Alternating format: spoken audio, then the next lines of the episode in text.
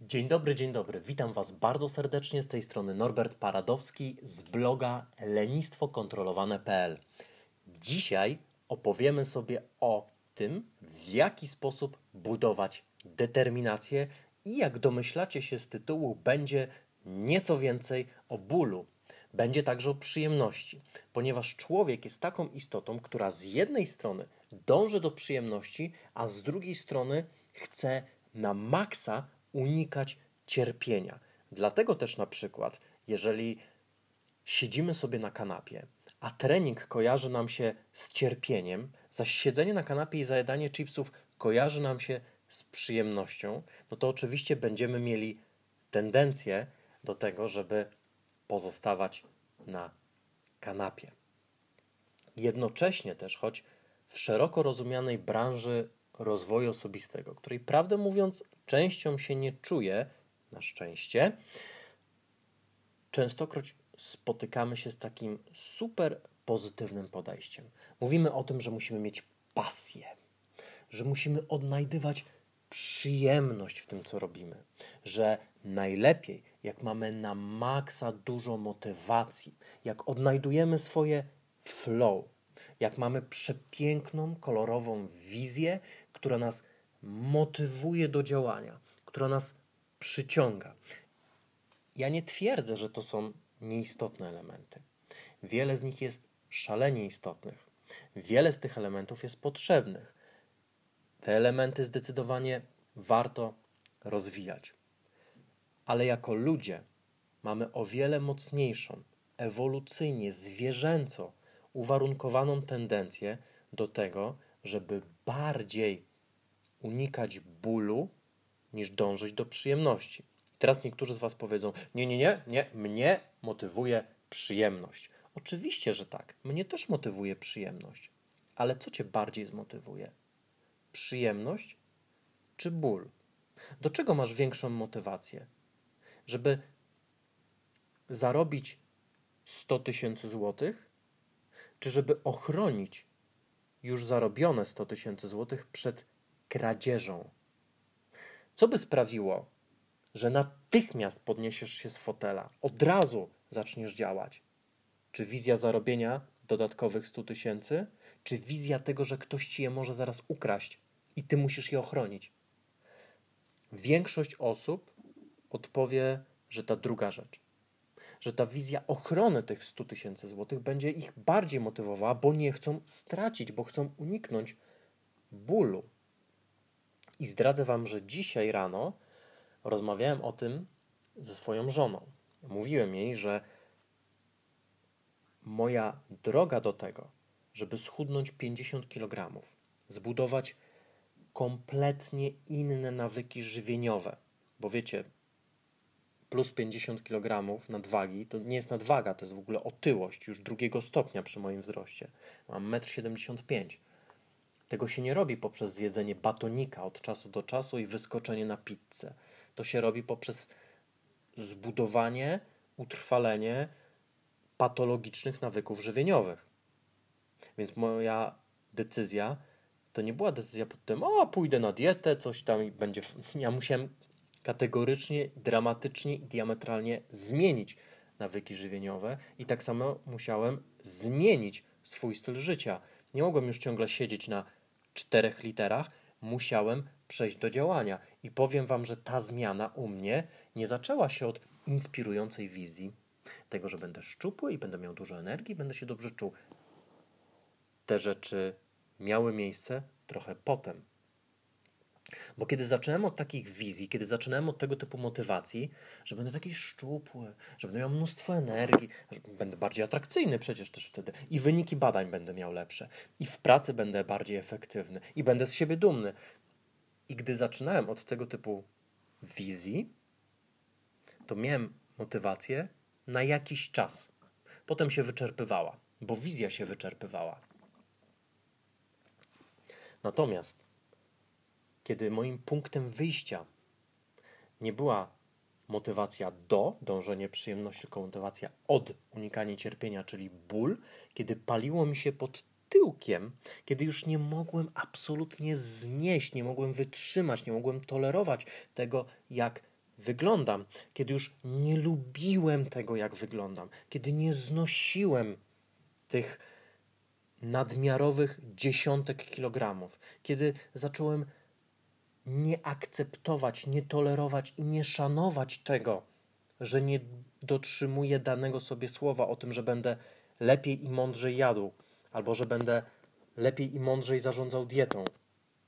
Kiedy stały się te wszystkie rzeczy, które bez wątpienia pochodzą z płaszczyzny pod tytułem ból i nieprzyjemność, to automatycznie moja determinacja wzrosła niebotycznie. Ponieważ to już nie była kwestia chcę i będzie fajnie, tylko to była kwestia absolutnie muszę.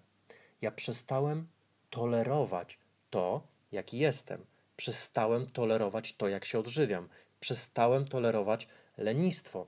Przestałem tolerować swój wygląd. Nie chodzi o to, że nie lubiłem siebie i nie akceptowałem siebie. Nie, nie chodzi o to też, że popadłem w depresję czy jakiegoś rodzaju autodestruktywne zachowanie. Absolutnie nie. Ja wziąłem wycinek ze swojego życia pod tytułem to, jak jem, to jak ćwiczę, a właściwie nie ćwiczę, to, że nie potrafię dotrzymać danego sobie słowa, to, że mówię, że chcę, ale tak naprawdę to mi kompletnie nie wychodzi i przestałem to tolerować. Przestałem to akceptować i wyszedłem z poziomu, w którym musiałem to zmienić, ponieważ obecny stan tak bardzo mnie bolał, że nie mogłem już wytrzymać dłużej takiej sytuacji. A kiedy nie możesz wytrzymać dłużej takiej sytuacji, to dokonujesz zmiany. Wtedy, kiedy musisz, kiedy jesteś w stanie zacisnąć zęby, zacisnąć pięści i stwierdzić, muszę to zrobić kategorycznie i absolutnie muszę to zrobić. I zwróć uwagę na to, że to niekoniecznie jest motywująca, inspirująca i słodko pachnąca motywacja. Takie rzeczy też miały miejsce. Później, kiedy pamiętam, że kiedy chodziłem na kilkukilometrowe spacery, bo jeszcze byłem zbyt duży, zbyt gruby, żeby biegać, więc tylko chodziłem, wyobrażałem sobie, jak będę wyglądał, kiedy będę szczupły, kiedy będę kontynuował te spacery, kiedy poprawię swoją dietę, wyobrażałem sobie siebie, że zakładam koszulę, w której dobrze wyglądam. To rzeczywiście było pewnego rodzaju wizją, która mnie motywowała, ale to były kolejne kroki. Dopiero po tym, jak poczułem ból, który sprawił, że muszę coś zmienić, nie że chcę i mam motywację, ale absolutnie muszę, bo mnie to boli, dopiero wtedy zacząłem na bazie tej determinacji budować nawyki, budować sposoby na zwiększenie determinacji, szukać sposobów na pokonywanie lenistwa w treningach, na pokonywanie oporów w diecie, szukać sposobów na zmiany nawyków żywieniowych, szukać sposobów na zmiany emocjonalnych nawyków żywieniowych. Dopiero potem. Pierwszym bodźcem był ból. Ból jest niesamowicie silnym motywatorem. Większość ludzi na ból odpowiada o wiele intensywniej niż na dążenie do przyjemności i warto go wykorzystywać. Stworzyłem taki program, zrób sobie determinację, zestaw ćwiczeń budujących stalową determinację i tam jest oczywiście o tym, jak budować pozytywną wizję, jak skupiać się na pozytywnych przyszłych konsekwencjach, jak tworzyć te wszystkie rzeczy, które nas będą zachęcały, ale ogromna część tego programu jest skoncentrowana na tym, jak zbudować takie powody, które dosłownie podpalą nam ogień pod tyłkiem i zmuszą nas do działania, ponieważ my jako ludzie naturalnie mamy tendencję do tego, żeby oszczędzać energię, więc potrzebujemy czegoś, co nas zmusi do działania, a takim zmuszeniem mogą być powody generujące ból albo stan nie do wytrzymania, albo stan braku tolerancji dla aktualnego stanu rzeczy. A w życiu częstokroć mamy to, co tolerujemy. Zwróćcie uwagę, że te kwestie dotyczące bólu jako motywatora doskonale spełniają się nie tylko w ćwiczeniach, nie tylko w diecie, ale także w pracy, w życiu osobistym, w budowaniu wszelkich nawyków i w realizowaniu wszelkich postanowień. To jest naprawdę świetny, bardzo mocny, bardzo niedoceniany motywator. Ból potrafi nas zmotywować i zdeterminować jak nic innego. Dlatego warto z niego korzystać, warto z niego mądrze korzystać. Motywacja się kiedyś skończy. Możemy nie mieć aktualnie wystarczająco dyscypliny, żeby się zmusić do działania, ale jeśli coś będzie nas uwierało, jeśli coś będzie nieprzyjemne, jeśli coś będzie tym kamykiem w bucie, to to właśnie będzie naszym asumptem, naszym bodźcem do działania.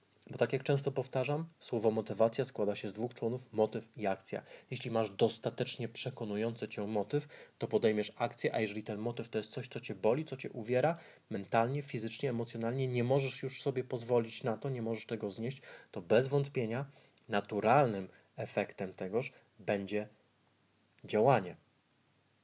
I tutaj pojawia się jeszcze jedna kwestia, którą na koniec szybko poruszę. Kiedyś usłyszałem takie bardzo fajne powiedzenie, akurat dotyczyło, ono padło na konferencji chrześcijańskiej, dotyczyło wiary chrześcijańskiej, ale myślę, że jest uniwersalne i odnosi się też do psyche ludzkiej. To powiedzenie brzmiało, że Bóg nas nie uwolni od naszych przyjaciół.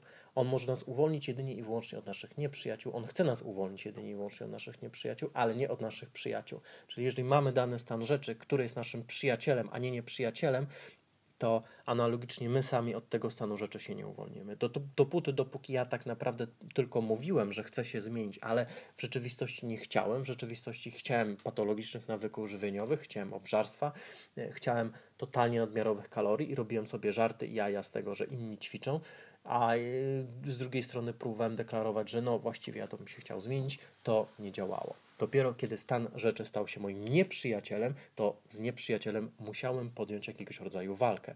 I to jest taka myśl, z którą Ciebie zostawiam. Pamiętaj, że nie uwolnisz się od czegoś, co jest Twoim przyjacielem. Uwolnisz się jedynie i wyłącznie od czegoś, zmienisz jedynie i wyłącznie to, co jest Twoim nieprzyjacielem. I to się ma oczywiście zarówno do uwalniania się, jak i też realizowania jakiegokolwiek rodzaju pozytywnych postanowień, bo wszelkie pozytywne postanowienia typu chcę zacząć nowy projekt też mają swoich nieprzyjaciół w postaci na przykład stagnacji, odkładania na później, osiadania na laurach itd., tak itd. Tak to wszystko na dzisiaj. Życzę Wam dobrego tygodnia. Bądźcie zdeterminowani. Zajrzyjcie na bloga lenistwokontrolowane.pl i pozdrawiam bardzo, bardzo serdecznie. Trzymajcie się, cześć. Bye.